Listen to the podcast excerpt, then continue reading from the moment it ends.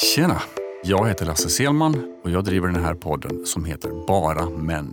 Syftet med podden är att jobba för det öppna och sårbara samtalet mellan män kring normaliserat manligt beteende. Och du, du är hjärtligt välkommen in i samtalet.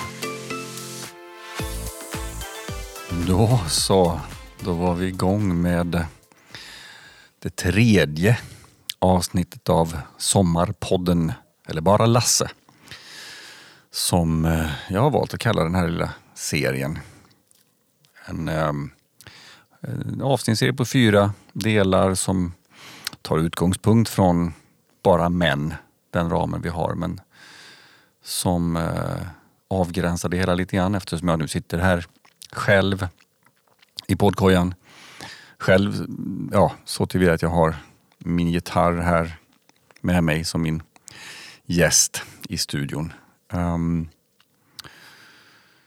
och um, ja, de här avsnitten är lite annorlunda på många olika sätt um, har jag märkt. Jag, eh, det, det, så det tar utgångspunkt från, från normaliserat beteende men det har också ett lite större, vidare perspektiv. Och det beror väl kanske till största graden mest på, på eh, ämnesramen eller temat för, för avsnittet.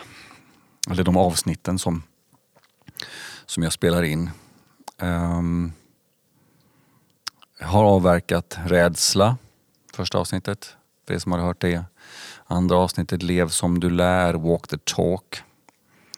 Båda de två med tillhörande låtar och det här avsnittet precis som de andra.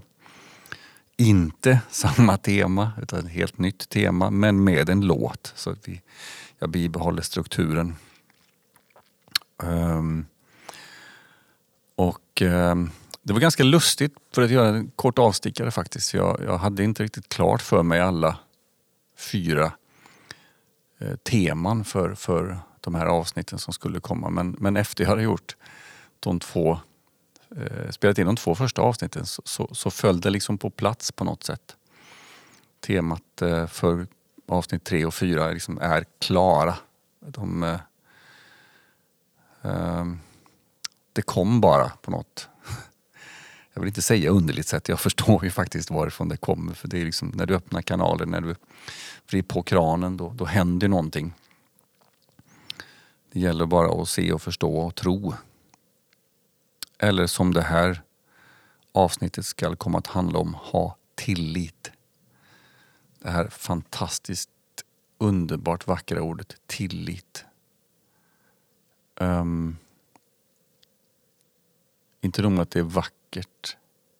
Det, dessutom så vänder du på det. Och, så du kan, det, ordet blir likadant om på vilket håll du än läser det, läser det så, så stavas det. Eller så he, låter det likadant. Tillit. Det, det är en, bara det är en spännande reflektion att göra. Så att, eh, ja, där är vi. Och som vanligt ehm, kan jag väl säga nu efter att ha spelat in två avsnitt utan att egentligen haft något färdigt manus så är det här också manusfritt. Stödord finns, ja det är klart. Jag ska inte, jag ska inte, gå, jag ska inte göra en utfästelse utan att jag kör det här helt eh, så fritt från några stödord. Men i grund och botten så har jag väldigt lite manus. Jag har en ram. Och ramen i detta fallet är tillit. Även här så, så lyser den kanske lite extra starkt då som, som, som manusram en tillit till att det här avsnittet kommer att bli precis som det ska. Innehålla de reflektioner, tankar, funderingar um, som uh, är helt rätt för det här avsnittet. Mm. Vi, um, vi, jag pratar som att jag har någon gäst här men jag menar egentligen jag och min gitarr då. Jag och min gitarr, vi vi eh, tänker att vi ska köra, äh, det låter nästan löjligt, vi, jag, jag, tänker att jag ska köra eh, enligt så att säga, bara män-strukturen med en incheckning, med en samtalsram och en utcheckning och en avslut. Och, och eh, jag börjar närma mig med den fasen där, där incheckningen är, där det är dags för incheckning helt enkelt. Och, eh, Ehm, så att jag kliver helt enkelt in i min incheckning.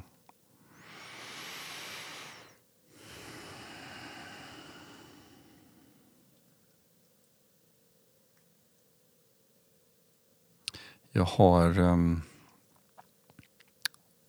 det är lite, lite ödets ironi om man nu tror på det. Just idag haft en väldigt spännande dag eh, rent arbetsmässigt. Um, just på tal om tillit. Um, jag har haft en, en, en, en säsongsavstämning kan man säga. Uh, ett upp, för ett uppdrag som jag, som jag jobbar med. Uh, och um, har känt en, en oro. Det började egentligen ganska med att jag vaknade väldigt tidigt. Jag vaknade klockan fyra i morse och huvudet var som en getingbo. Jag var fullt med hur mycket saker som helst.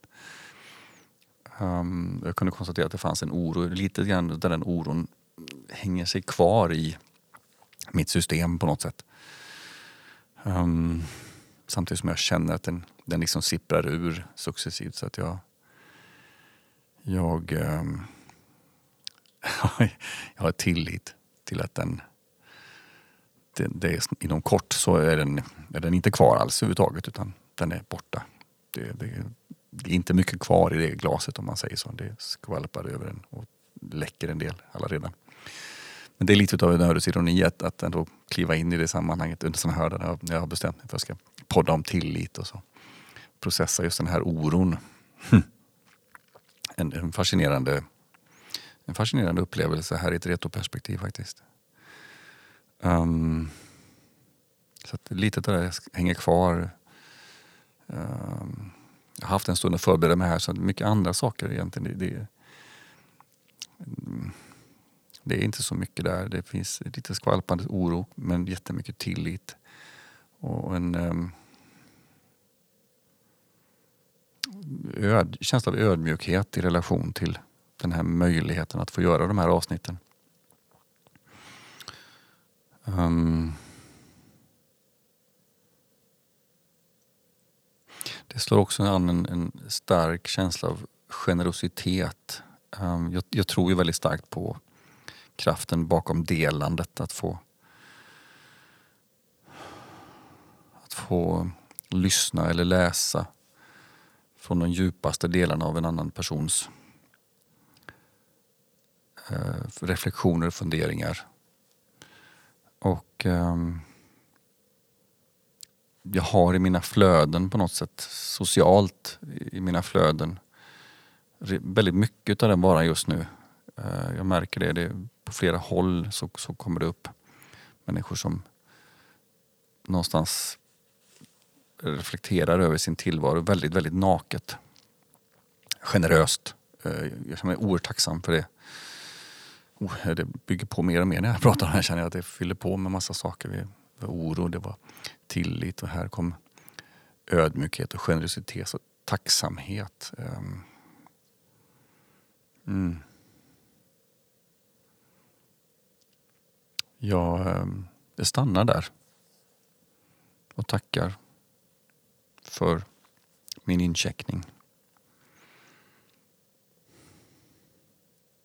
Mm. Så är det. Tillit, ja. Alltså för, för att göra en, inte allt för lång historia, men ändå rätt lång historia kort. Så ehm, för det tror jag är 13 år sedan lite drygt. Så ehm, kom jag i kontakt med ett, ett utbildningsmaterial som, som tog utgångspunkt från, från just ja, kommunikation, om vi nu vill använda den ramen. Och det, det, det kan vi göra. Och um, den, det här utbildnings den här utbildningsramen den, den utgick från i grunden ganska enkla saker Eh, till att börja med. När man reflekterade över det som, som, som blev presenterat så kändes det som att det här är så enkelt så det, kan inte, det är nästan som man tror att det inte är sant. Men mötet med de här enkla delarna insåg, insåg jag ganska snart att jo, det, är, det här är sant och det är kraftfullt. Och, och det starka bor verkligen i det enkla. Ungefär som det vackra bor i det enkla. Uh, och eh, en av de här sakerna som, som jag eh, blev konfronterad med var att definiera ens, ens mina, definiera mina intentioner, mina drivkrafter. För att göra det ännu enklare, definiera de känslor egentligen som jag skulle vilja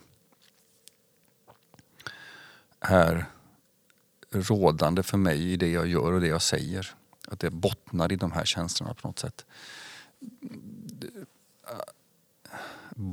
Bara medvetenheten om att faktiskt kunna välja i det här läget var det var bara det var en, en, en omvälvande upplevelse. Att, att, tänka att jag har faktiskt chans att välja. Jag behöver inte liksom behöver inte gå omed, ovetandes om att jag kan styra mina känslor, styras av mina känslor. Eh, vilket jag naturligtvis gjorde redan i alldeles, väldigt stor omfattning, fast det på ett omedvetet plan. Och, um, det tog ett tag innan innan jag landade i det här och insåg att under väldigt lång tid eh, fram till då för drygt 13 år sedan så, så hade jag haft ett ganska krystat förhållningssätt till mina känslor och hur jag skulle hur jag valde att hantera dem och agera på dem ur ett normaliserat perspektiv. Oavsett om det, om det nu kallas manligt eller inte. Men, men, men det, det var liksom fånga upp och belysa det som skulle gälla i ett sammanhang. Även det var ju känslomässigt på något sätt. Alltså att, att kliva in i en roll och agera utifrån ett, ett känslomässigt perspektiv som i de allra flesta fall för mig byggde på att jag spelade den rollen. Redan där inser jag ju på många sätt att jag inte ens förankrad hela vägen i känslan men jag använde mig av ett slags sätt att kopiera ett maner för att verka som att jag var, var, då, var, var då förankrad i en känsla.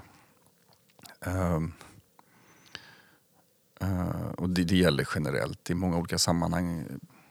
Ungefär som jag pratade med i, första, i mitt första sommarpoddavsnitt där jag använde mig utav uh, då, som en slags rollbesättning för att bygga karaktärer för att passa in i olika sammanhang. Ehm, ur, mitt perspektiv sett som någon slags nödvändigt överlevnadsperspektiv. Då. Um, och jag, vet, eh, jag minns framförallt när jag, när jag ställde mig själv liksom i centrum av den här nyvalda sanningen. Att tänka liksom, okej, okay, om jag nu ska välja, vad ska jag välja? Vad är viktigt? Vad är viktigt för mig? Hur, hur tänker jag liksom att om jag skulle möta mig själv, och vad, skulle jag, vad skulle jag önska och vilja att jag skulle uppleva av mig själv? Um, och eftersom jag var medveten om att jag hade och har rädslor Uh, hade många fler förr men fortfarande naturligtvis. Det, så um, kände jag att mod var någonting, det var, det var viktigt. Mod var en väldigt viktig faktor för mig. Den behövdes, jag hade liksom ett stort behov av den. Um, sen, sen tänkte jag, men jag är, jag är också en väldigt ödmjuk person. Jag ville, jag, jag tyckte om känslan av att möta ödmjuka människor. Människor som inte tar sig själva på, stort, på för stort allvar. Eh, och som kunde möta människor där de människor är, där de är på något sätt. Att, möta, att, att människor som möter mig skulle möta mig där jag är. Det, det kändes som också viktigt på något sätt. Så att vi hade mod och ödmjukhet och generositet. Jag har alltid varit en människa som, som gärna delar med mig utav saker och ting. Jag har kanske en lite naiv inställning ibland och kanske för transparent. Eh, åtminstone om jag frågar vissa i min omgivning så, så kan jag vara för transparent och naiv. Tänker inte på det. Alltid som att det är något fel. Jag har hamnat i situationer dessutom där min, min öppenhet har liksom brukats utav andra. Eh, inte i ett gott syfte kan man väl säga utan att ge mig in djupare i det där men jag har varit med om det i alla fall. Um, och fått lära mig den hårda vägen. Att okej, okay, du behöver inte berätta allt. um, Utan det finns något slags mått. Jag, jag tror jag fick lära mig, lära mig att hantera begreppet integritet kan vara bra. Tänk efter lite innan. Jag hade väl inte riktigt den förmågan att tänka efter förrän kanske efteråt och då i många fall var det lite för sent. Men, men så, så kan det vara. Um, så vi hade mod, vi hade ödmjukhet, generositet, ärlighet, ärligt. Jag ville mötas av ärlighet. Um, och jag vet att det kan vara svårt för en del att tänka ärlighet fullt ut i alla lägen. Men man ska vara klar över också att ärlighet bottnat utifrån att jag värderar inte. Jag dömer inte. Det är någonting helt annat än att vara ärlig utifrån att jag dömer och värderar som jag vill utifrån vad jag tycker och tänker om, om andra människor exempelvis. Eh, så medvetenheten om att ja, om jag skulle säga till någon, vi kan ta som ett exempel, vilket aldrig skulle hända. Eh, man skulle kunna tänka och tro att en, en person som säger jag tycker att du är dum eller ful, exempelvis, som två exempel, är ärlig. Det man missar i det läget är ju faktiskt att den personen har gjort en värdering av en annan människa ur ett någon slags intelligensperspektiv och ur ett utseendeperspektiv. Där, där rimmar inte ärligheten för mig.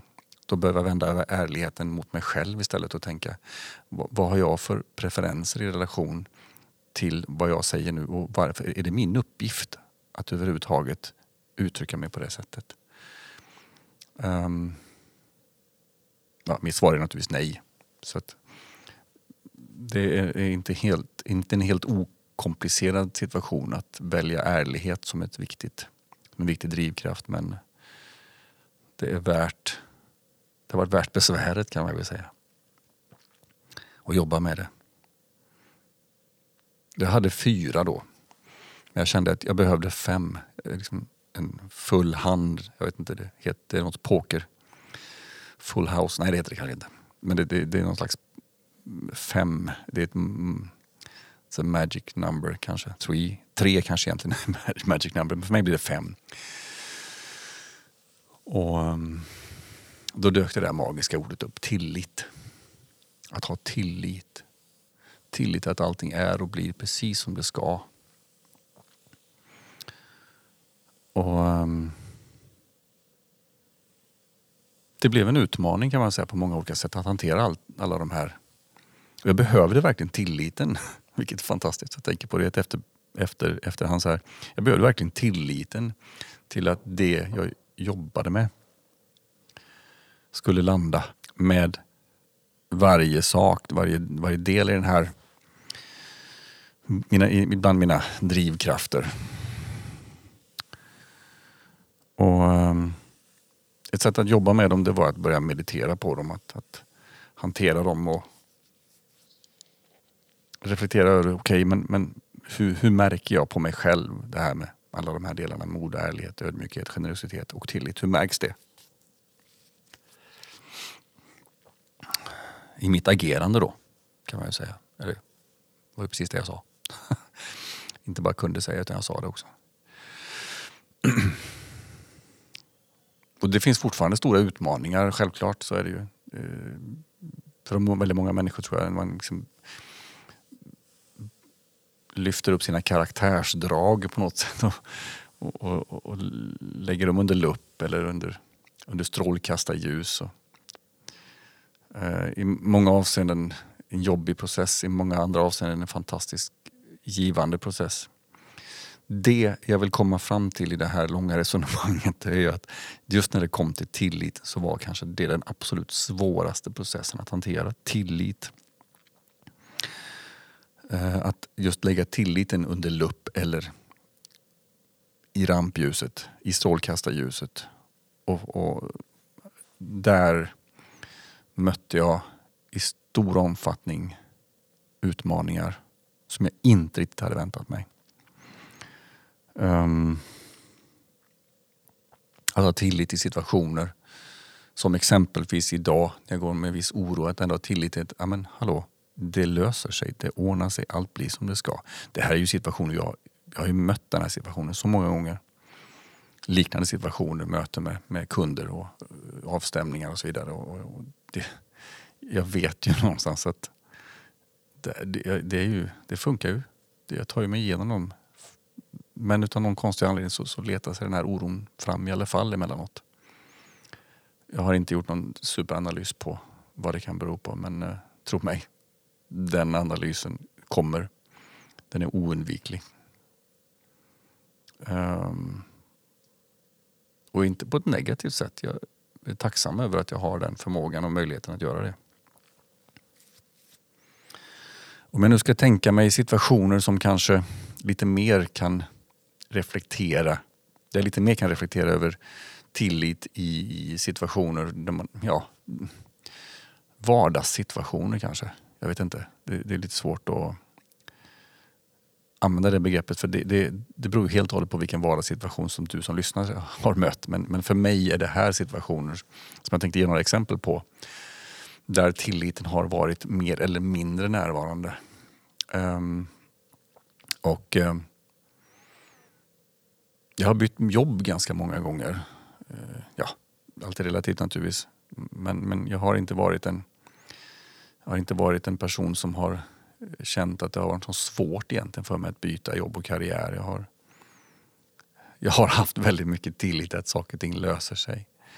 Eh, och jag har mött situationer där jag både har valt att avsluta jobb själv och eh, där jobb har avslutats eh, utan att jag egentligen har haft möjlighet att påverka dem just i stunden på något sätt. Um, man kan väl säga så här, många situationer där jag har kastat mig ut eller blivit utkastad utan att egentligen ha en fast, någon fast plattform att sätta fötterna på. Eh, och, och, eh, innan min medvetna process började så, så det var samma sak där kan man säga. Fast just i de tillfällen så fanns det ett visst mått av skyddsnät ändå någonstans involverat. Eh, ett skyddsnät som jag faktiskt under den här processen valde att ta bort. Och det skyddsnätet som, som eh, jag tror många, många kan känna igen sig i att man har ett skydd i form av a-kassa eller man har en, ett, ett fackligt skydd så att säga. Det blev för mig det blev för mig en process att välja bort just en sån sak. Eh, ett tillfälle när jag kände att okej, okay, trygghet i det här fallet. Det var faktiskt ingenting som jag hade valt. Att det var inget karaktärsdrag som, som, som jag kände att jag hade behov av just i det här sammanhanget. Jag eh, säger inte att trygghet, jag säger inte att trygghet är, är irrelevant men just i det här sammanhanget så, så kände jag att trygghet var inte utvecklande för mig yrkesmässigt. Så jag valde helt enkelt att kliva ur den ramen, alltså släppa dem, den det skyddsnätet och tänka istället, ja okej, ställs jag inför faktum att jag behöver göra något annat så gör jag något annat. Och måste då ha tillit till att det löser sig. Vilket det har gjort, det här är många år sedan. Det har löst sig fantastiskt bra. Ett antal gånger faktiskt. Eh, på ganska lustiga sätt. Jag kommer återkomma till ett par av dem. Ehm, det som, den, den, den sanning som jag skapade runt omkring det här det var att för att eh, förändring ska ske på riktigt, verkligen på riktigt, så behöver jag konfronteras med situationer som jag inte kan förutse, inte kan bestämma på förhand vad som kommer att hända. Jag kan inte tänka mig vart, som, vart min väg ska gå. Uh, och Det var en extremt utmanande tanke att plantera i mig själv. En värdering som, ja, kan man säga har, ja, inte minst den har lett fram till det här, här idag. att jag sitter här och gör en, gör en podd för mig själv baserat på att någon sa att det kan vara en bra idé att göra det här. Och jag agerar lite yes man och tänker ja, varför inte, det kan vi göra. Det har jag inte gjort förut. Lite Pippi Långstrump så. Det har jag inte gjort förut, så det måste jag vara bra på. Nu är det inte alltid så att det har varit fallet att jag, att jag har varit bra på allting jag kastat mig ut i. Man kan säga så här, jag har hoppat i många tunnor, en, en del galna. Och kanske inte så framgångsrika men I'll try anything once. Eh, eller som en av mina döttrar har lärt mig att tänka, man kan alltid testa. Tack för den. den är, eh, det är en fantastisk berättelse som finns med i det här perspektivet faktiskt. Eh, när det gäller tillit och, och berättelser. Jag kommer till den lite längre fram. Så med värderingen då att riktig förändring sker bortom det jag kan förvänta mig. Bortom det förväntade, bortom det förutbestämda, bortom det för, förutsedda, det tänkta, det kontrollerade. Där har vi en tillitsutmaning kan man säga. Inte minst. Och jag nämnde tidigare just jobbbiten och jag har en, har en sån liten intressant, spännande berättelse som eh, härrör till just en situation när jag under längre tid har drivit eget företag och eh, jag kände liksom det var som om den här lite halvt om halvt mytomspunna väggen började närma sig. Det var en, jag, jag hamnade liksom i någon slags osynk med saker och ting. Jag, det är svårt att få saker och ting att funka eh, uppdragsmässigt, ekonomiskt. Det blev en tuff situation. Och, eh, som tur är, vill jag påstå, så har jag ett, ett eh, känslosystem som, som slår an och, och ganska, nej, inte ganska, som är väldigt tydligt och gör väldigt, väldigt kraftiga markeringar mot mig fysiskt och talar om för dig nu behöver du göra något annat. Du behöver liksom göra en förändring. Och eftersom jag blivit väldigt bra på att lyssna på mig själv aktivt eh, och inte bara eh, och framförallt inte stänga undan känslor. Det, det, det, har aldrig funkat i mitt fall. Jag har, tror mig, jag har försökt men, men till slut så är det som en tryckkokare. Och ehm, just i det läget så bestämde jag mig för att från just dag ett, det, nu klipper vi det här. Nu klipper jag detta. Bestämde mig för att lägga ner.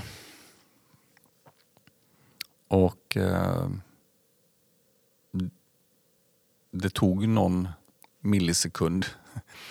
Det jag också bestämde mig för att jag kommer inte göra någonting annat än det är precis det jag känner är rätt. Precis det jag känner är rätt är det jag kommer att göra. Så jag bestämde mig verkligen att gå hundra all in på min känsla. Sen tog det någon dag innan jag gjorde en... Nej, det tog inte en dag. Men det tog i alla fall lite längre tid. Vi ska inte överdriva, jag ska inte överdriva det här perspektivet. Men det tog lite längre tid innan, innan jag konfronterade med mig själv, mig själv med att säga till mig själv att okej, okay, hur tänkte du lösa dina intäkter framöver? Ja, det vart ju en liten spännande resa. Um, jag stod ju inte helt barskapad i det läget. Jag hade ju en liten buffert, en extremt liten buffert. Jag tror nog knappt att det var en eh, att jag hade en möjlighet att eh, klara mig en månad på den. Men det, knappt. Um, så att det var väl inte så att jag fick panik direkt i det läget utan jag tänkte, nej men det, nu är det tillit som gäller, träna på tilliten som gäller. Okej, okay, tillit, tillit, tillit. Det, Ehm, så det började ganska lugnt och skönt faktiskt. Jag, ehm, och det, självklart var det lugna, sköna någonstans bottnat till viss del att det fanns ett litet, litet skyddsnät, ekonomiskt skyddsnät. Om än kortvarigt.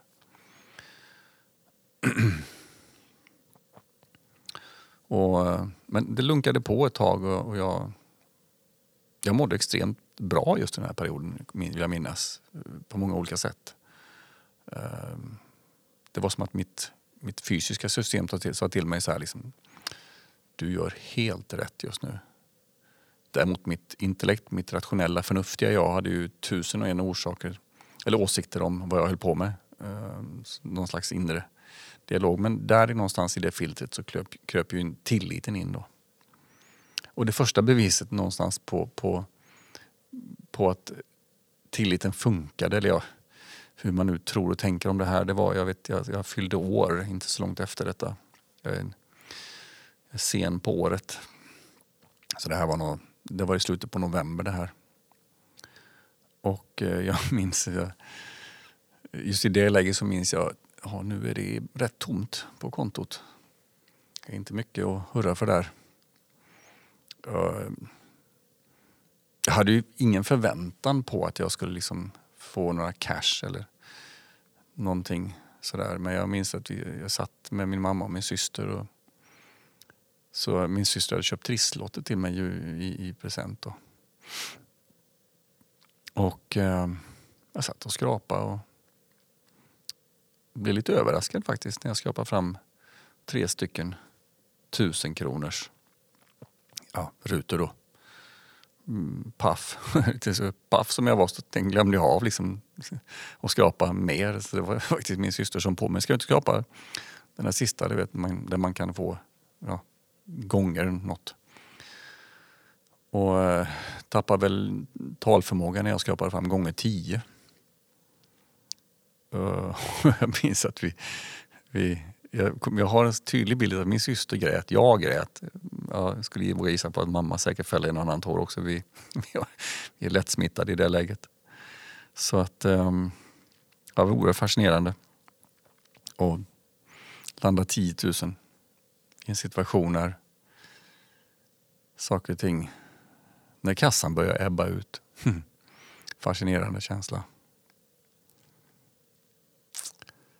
Nu räckte ju inte det här riktigt eh, i ärlighetens namn. Jag fick ju ta hjälp av de sociala skyddsnät som fanns i övrigt med den, den form av a-kassehjälp man kan få som när man inte är ansluten. Det är, eh, det är ju inga stora summor. Och vi har också en, en försörjnings, eh, försörjningsenhet som, som också kan bistå med en del resurser.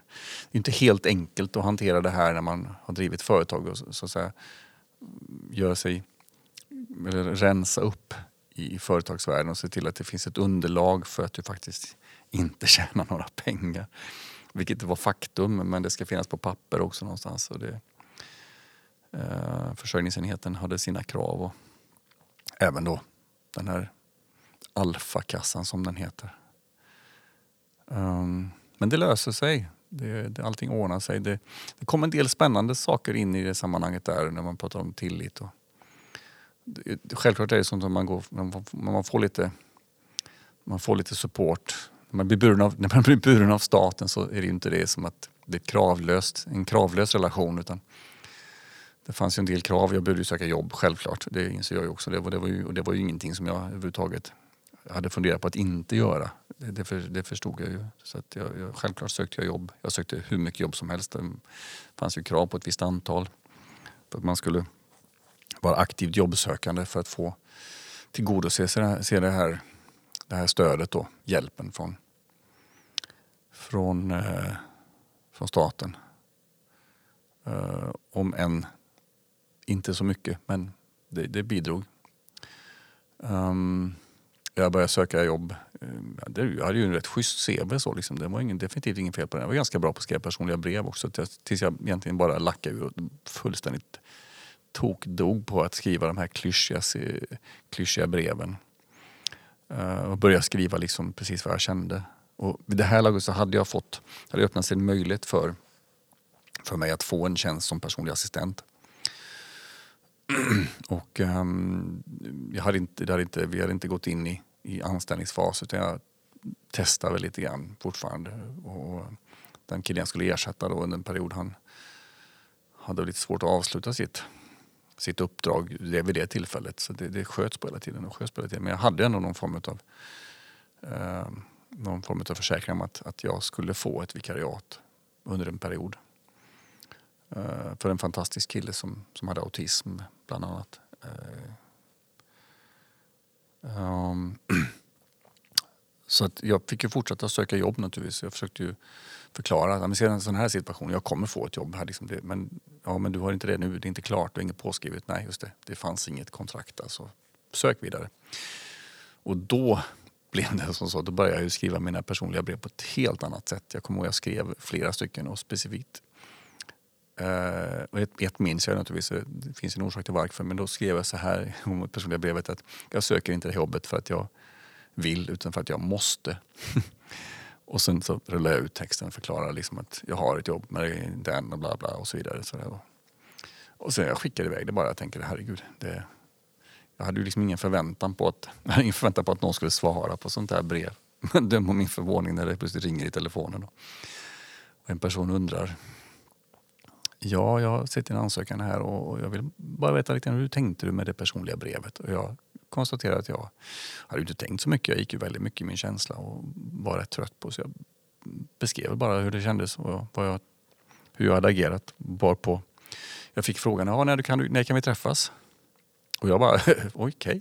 Jaha, vi, vi, du vill att jag ska komma? Och, ja, nej, men det, det kan jag göra. Så vi bestämde dag, jag kom dit, jag på intervju. Uh, och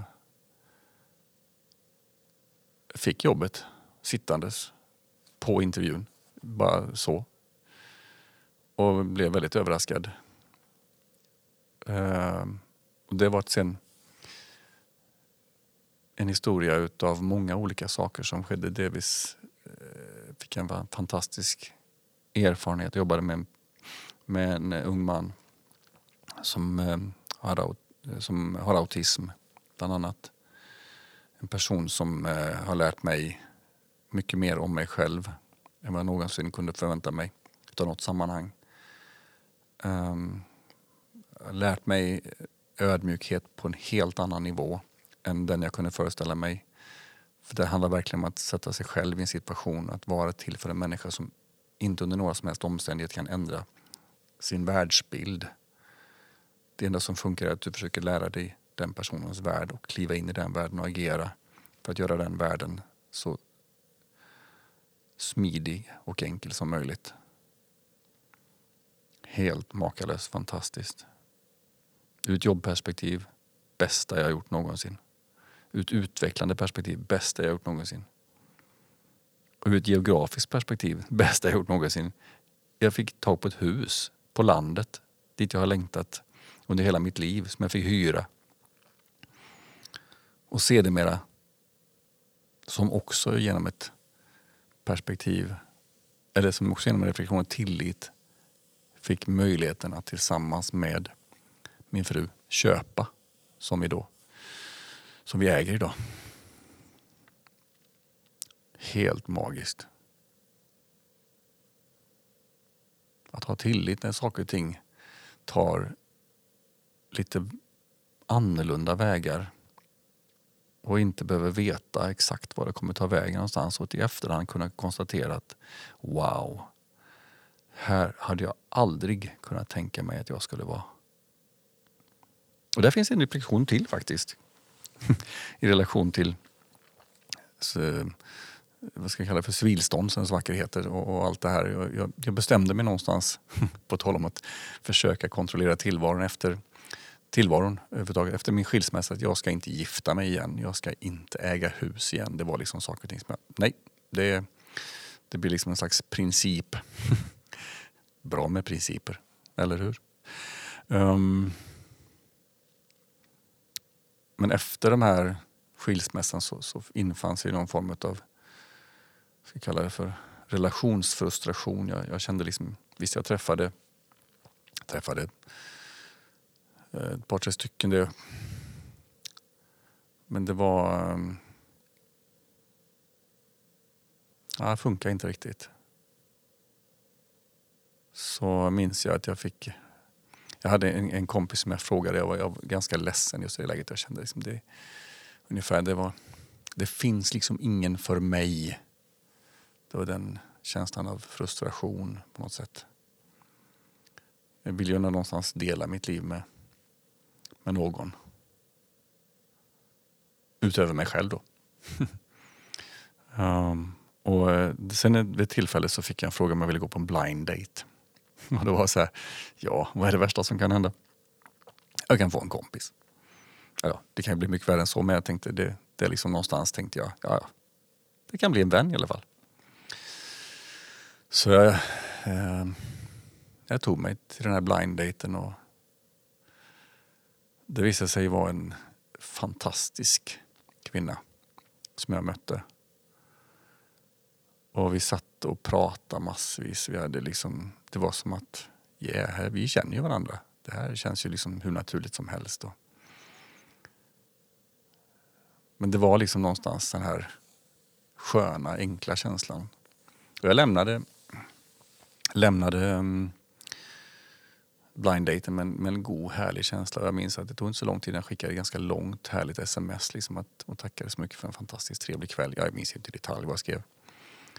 Och så. Um, så att... Uh,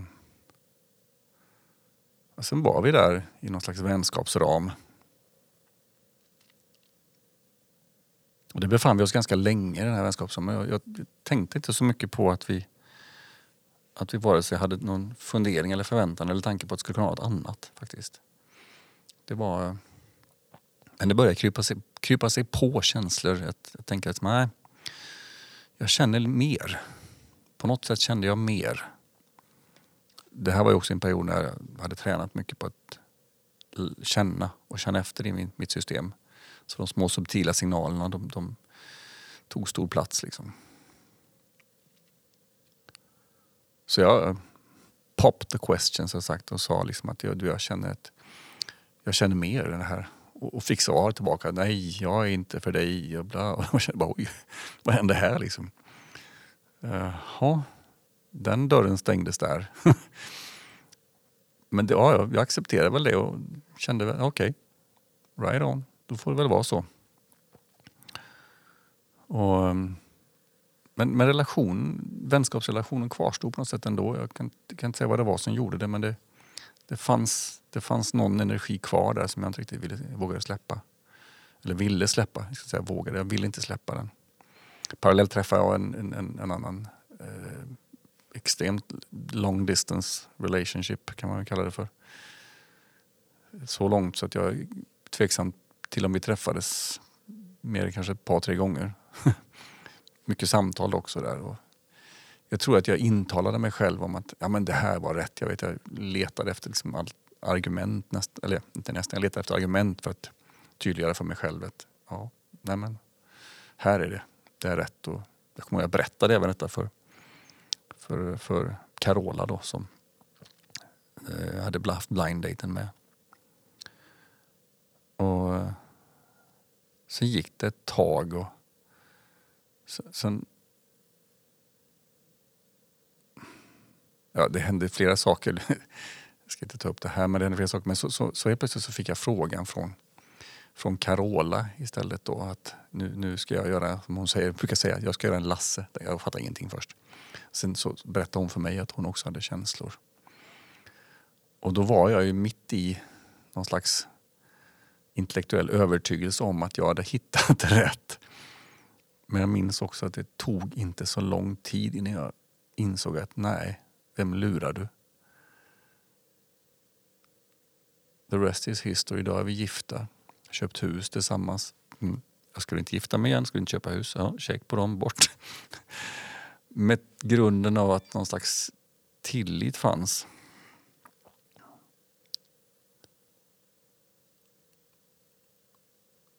Att det här är rätt att vara i det här sammanhanget, inte släppa taget eller inte tappa bort den biten. Så många saker som finns där. I tillitsperspektivet. tillitsperspektivet.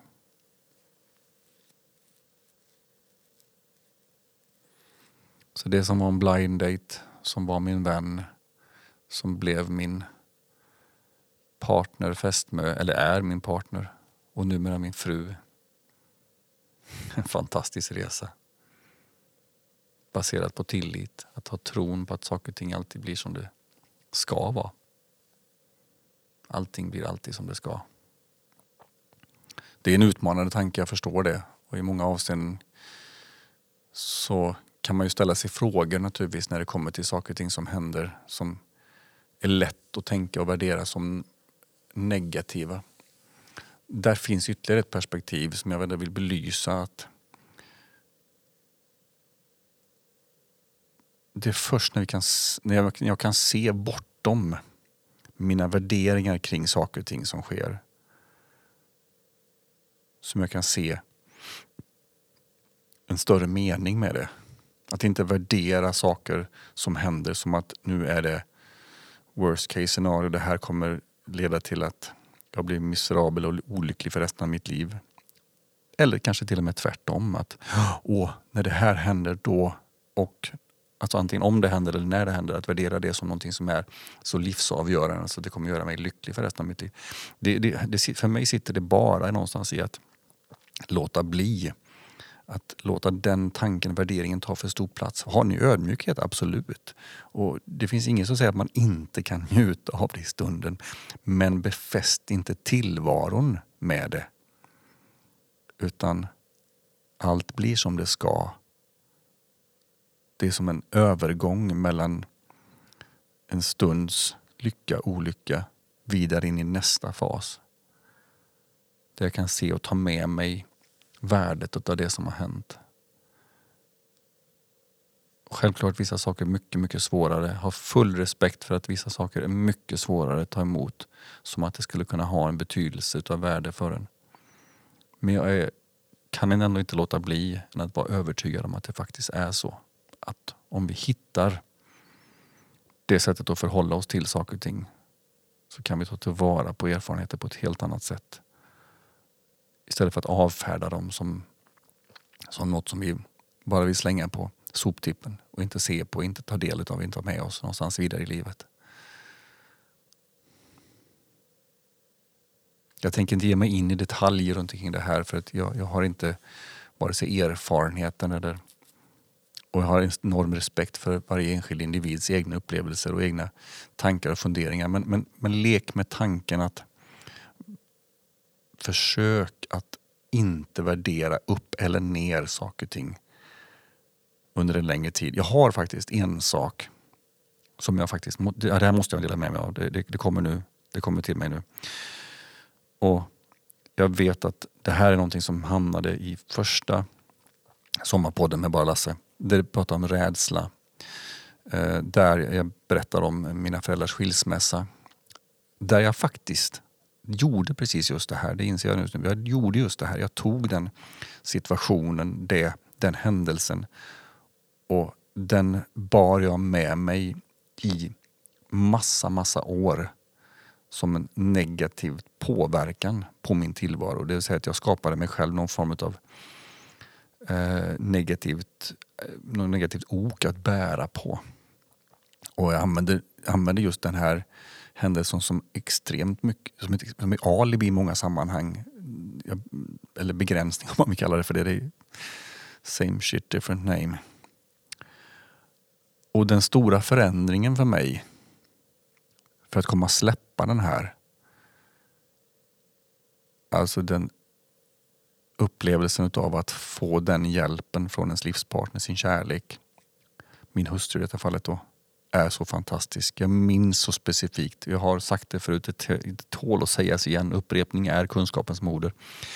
Jag var i en situation, jag var väldigt, väldigt nere. Jag var väldigt kraftigt påverkad emotionellt, känslomässigt av en upplevelse jag hade haft som förankrade sig i just min offerkänsla kopplat till det här.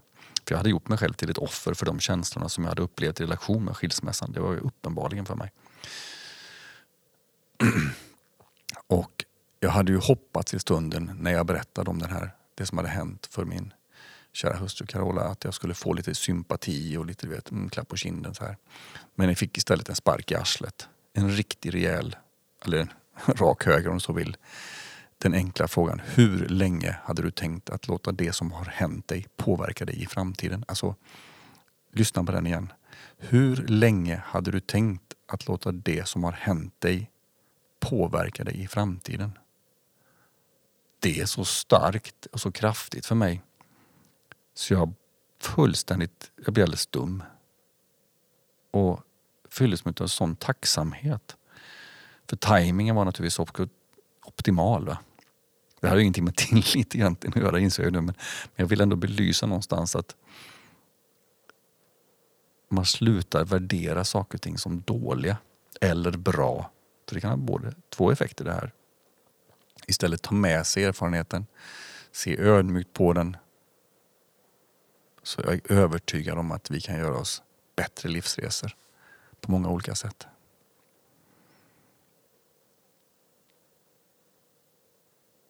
Jag ska runda av med en liten berättelse till. Jag lovade att ta den tidigare runt omkring det här med tillitsbegreppet. Och um, en av mina döttrar.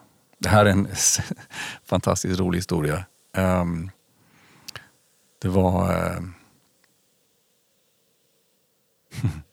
Det var så här att uh, vi hade ett trådlöst, bred, hade trådlöst bredband uh, i lägenheten som, jag, som vi bodde i. Och um, jag hade bestämt att jag skulle ha en sån här nej tack till reklam. Jag vill ha en sån skylt på dörren.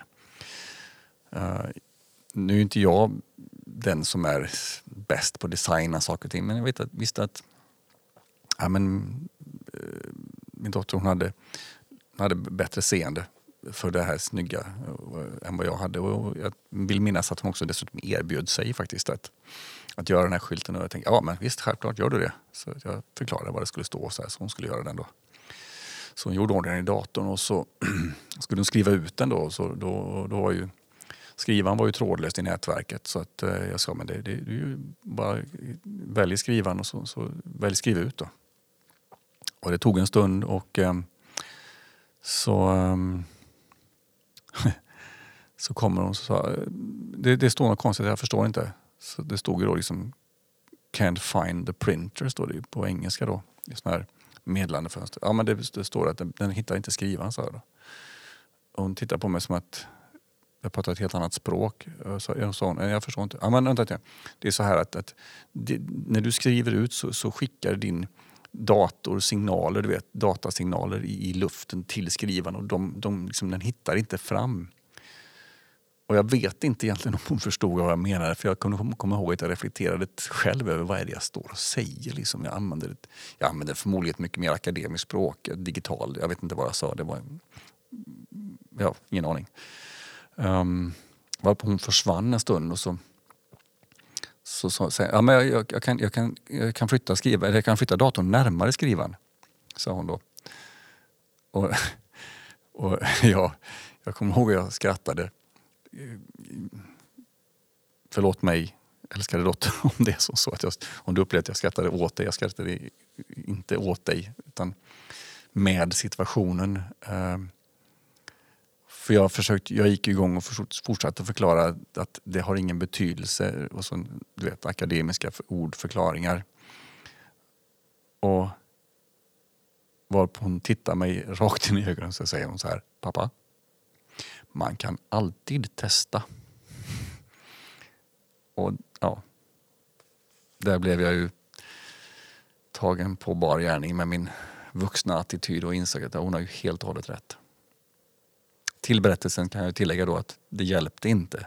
Men sensmoralen, man kan alltid testa, är det är något jag har tagit med mig.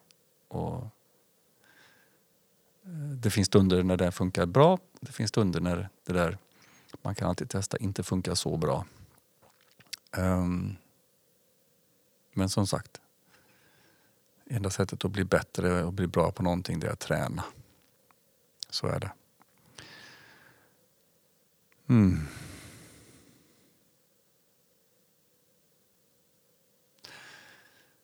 Tilliten säger mig att i det jag har pratat om nu rörande bara Lasse. Till viss del normaliserat manligt. Eller bara beteende. Normaliserat eller inte. Eh, jag är övertygad om att det finns saker och ting i mina berättelser som som kan finnas där som hjälp att läka saker och ting. Inspirera till saker och ting. Det Har hjälpt och läkt och inspirerat mig. Så jag tänker det måste finnas fler som jag så jäkla unik är jag inte. så att jag eh, går in i min utcheckning.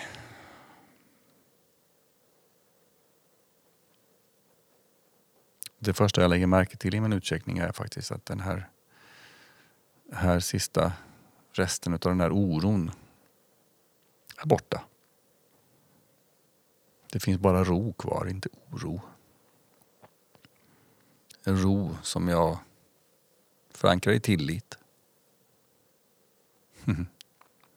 känns fantastiskt. Ett lugn. En ödmjukhet finns kvar. Generositeten absolut. Det känns som det som är delat är det som skulle delas.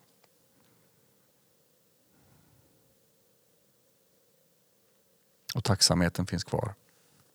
Jag skulle också vilja påstå att tacksamheten har faktiskt eskalerat, den har ökat.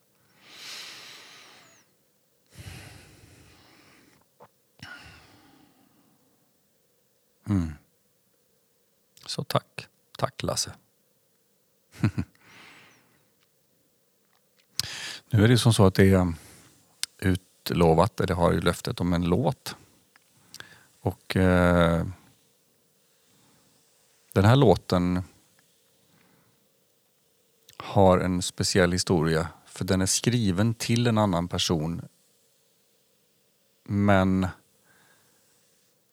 med en lika stor portion av eh, betydelse för mig själv. För i alla de här sammanhangen av förändring eh, har det känts och upplevts som om att jag har haft, ett, haft förmånen att ha ett slags helikopterperspektiv på mitt liv. Eh, sprungen faktiskt ur möjligheten att ha tillit till och att inte värdera förändring som vare sig alltför positivt eller alltför negativt utan mer som ett, mer ur ett slags konstaterande perspektiv. Låten heter, heter låten heter det är så när man kliver över ska börja sjunga på engelska. Låten heter From the top of a crane. Uh, från toppen av kranen. en slags ovanifrån perspektiv. Och uh, ja, jag säger inte så mycket mer utan låten får tala sitt eget språk.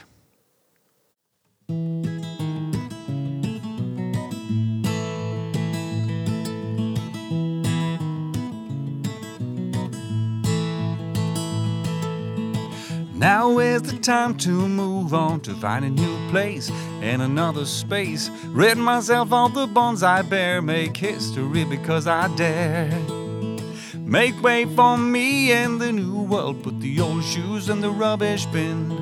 I found new tracks to lead me in this context that I'm in. Cause I'm born again, and I will board this plane. My life just feels insane, looking down from the top of a crane. From the top of a crane.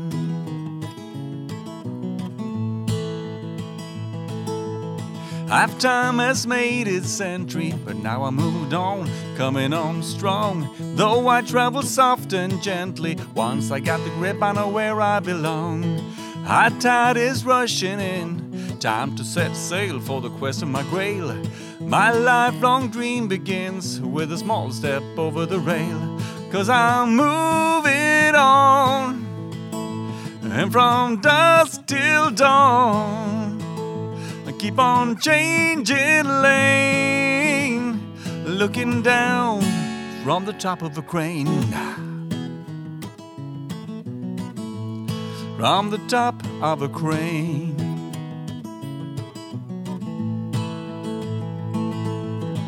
Searchlights might try to blind me, but I don't mind to close my eyes. Where I'm heading is inside me. My living years has made me wise. Sometimes along my journey, I felt that I've been lost. But the dice as I have tossed can be picked up again with a gentle hand and help me to understand. That I can get right back on the road that I've been traveling on. Somehow the familiar track is there, showing me that I'm still strong. For me, it's just so easy to keep my spirit high. And, and though the road ahead is greasy, I know that I get by. Cause I know if I, I keep on aiming high. I'll be once again looking down from the top of a crane. From the top of a crane. I'll be looking down again. From the top of a crane. From the top of a crane.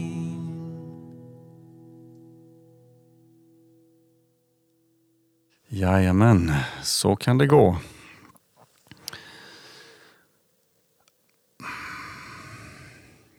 Ja, det återstår inte så mycket mer för mig än att i detta avsnitt säga tack. Och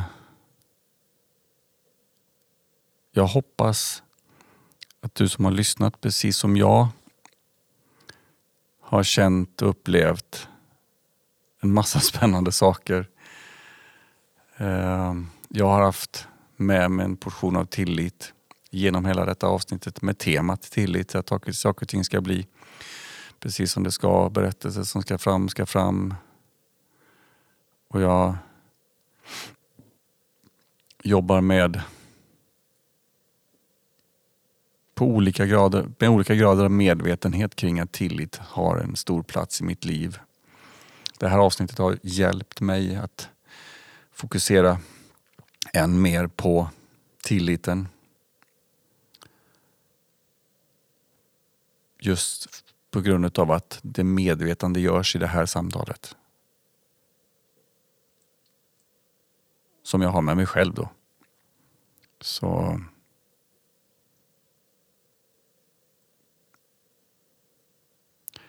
där signar jag ut för den här gången. Tack så mycket. Tack för att just du har lyssnat på vårt samtal. Podden är producerad av pods.se som är en del av Pricka Studios. Du hittar fler avsnitt på Acast, Spotify, Soundcloud eller där poddar finns. Du kan också få information om fler avsnitt via våra sociala medier. Vi finns på Instagram på namnet bara underscore bara underscore man. Ett spännande namn men tyvärr fick det bli så. Och på Facebook som bara män. Nya avsnitt publiceras var 14 dag och skulle du vilja stötta våra samtal så är du hjärtligt välkommen att kontakta mig på lasse Selman med E-H-L-M-A-N. Där hittar vi en lösning tillsammans som passar dig. Tack och du är hjärtligt välkommen tillbaka till nästa samtal.